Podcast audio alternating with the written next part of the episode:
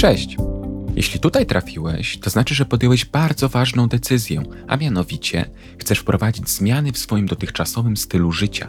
Zmiany, które pomogą Ci cieszyć się zdrowiem przez długie lata. W moich nagraniach postaram się przybliżyć Ci i wyjaśnić zagadnienia związane z treningiem w siłowni oraz właściwym odżywianiem, tak aby łatwiej było Ci się odnaleźć w nie tak skomplikowanym świecie zdrowego trybu życia – Nazywam się Bartosz Terka, jestem trenerem personalnym i doradcą żywieniowym, chociaż sam siebie określam bardziej jako specjalista do spraw zdrowego stylu życia. A to jest mój podcast o treningu i żywieniu inaczej. Zaczynamy!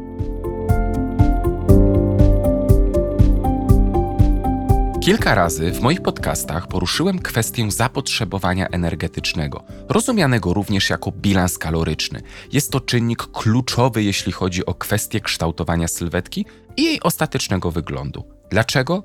Ponieważ ilość kalorii, którą będziesz dostarczać swojemu organizmowi w odniesieniu do wartości zapotrzebowania energetycznego, będzie powodowała albo przybieranie masy ciała, albo redukcję wagi.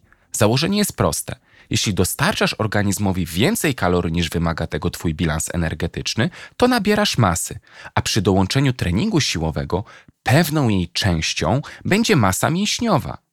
Oczywiście nie obędzie się też bez przybierania w mniejszym lub większym stopniu tkanki tłuszczowej. Z kolei jeśli twój organizm dostanie mniej kalorii niż wskazuje na to twój bilans, to doprowadzi do redukcji masy ciała. A jeśli dodasz do tego procesu trening siłowy, to zwiększasz szansę na utratę tkanki tłuszczowej i uwidocznienie mięśni.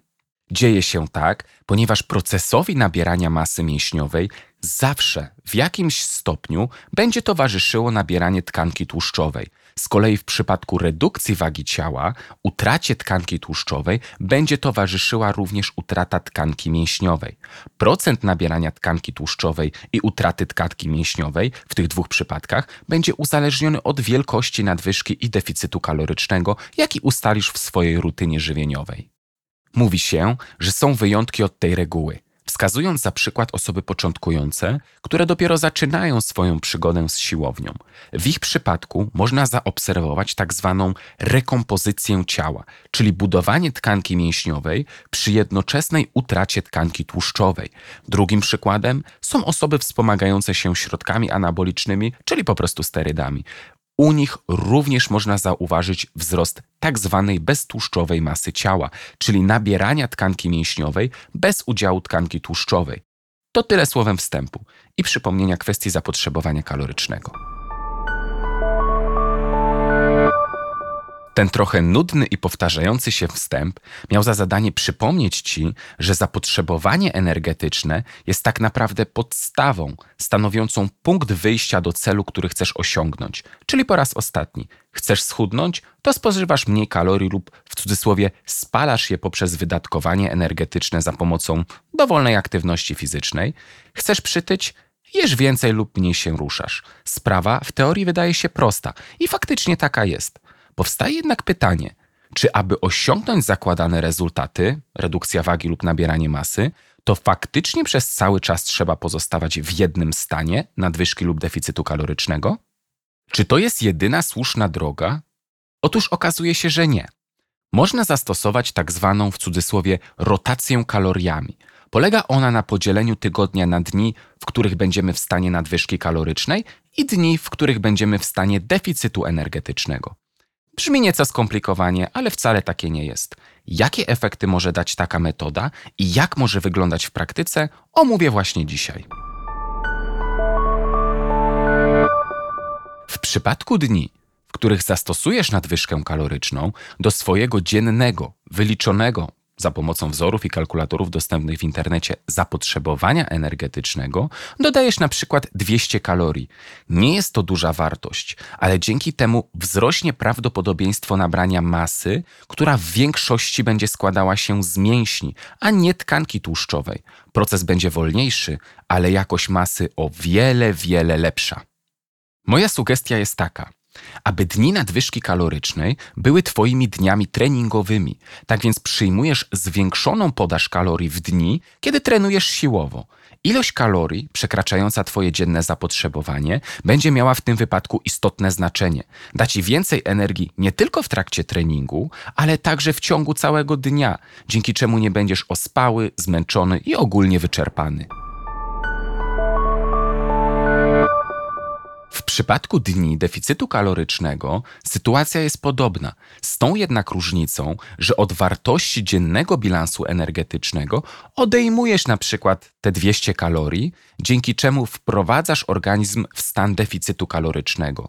Tak lekki deficyt nie będzie miał wpływu na obniżenie zdolności regeneracyjnych organizmu i nie zaburzy jego gospodarki hormonalnej. Oczywiście podkreślę to jeszcze raz. Deficyt w postaci 200 kalorii nie musi być osiągnięty wyłącznie poprzez obniżenie podaży kalorii pochodzących z posiłków.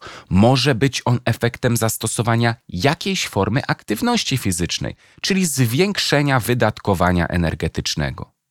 Dlatego właśnie dobrym wyborem jest zastosowanie deficytu kalorycznego w dni, kiedy nie trenujemy siłowo. W te dni nie potrzebujesz aż tyle kalorii, a tym samym energii, ponieważ nie masz w planach ciężkiego treningu siłowego.